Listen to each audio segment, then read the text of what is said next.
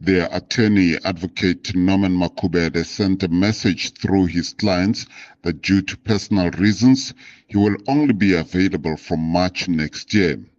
Landela and his co-accused Kenneth Motshotso are facing charges related to rhino poaching after being arrested in 2016 not far from the scene of a fresh carcass.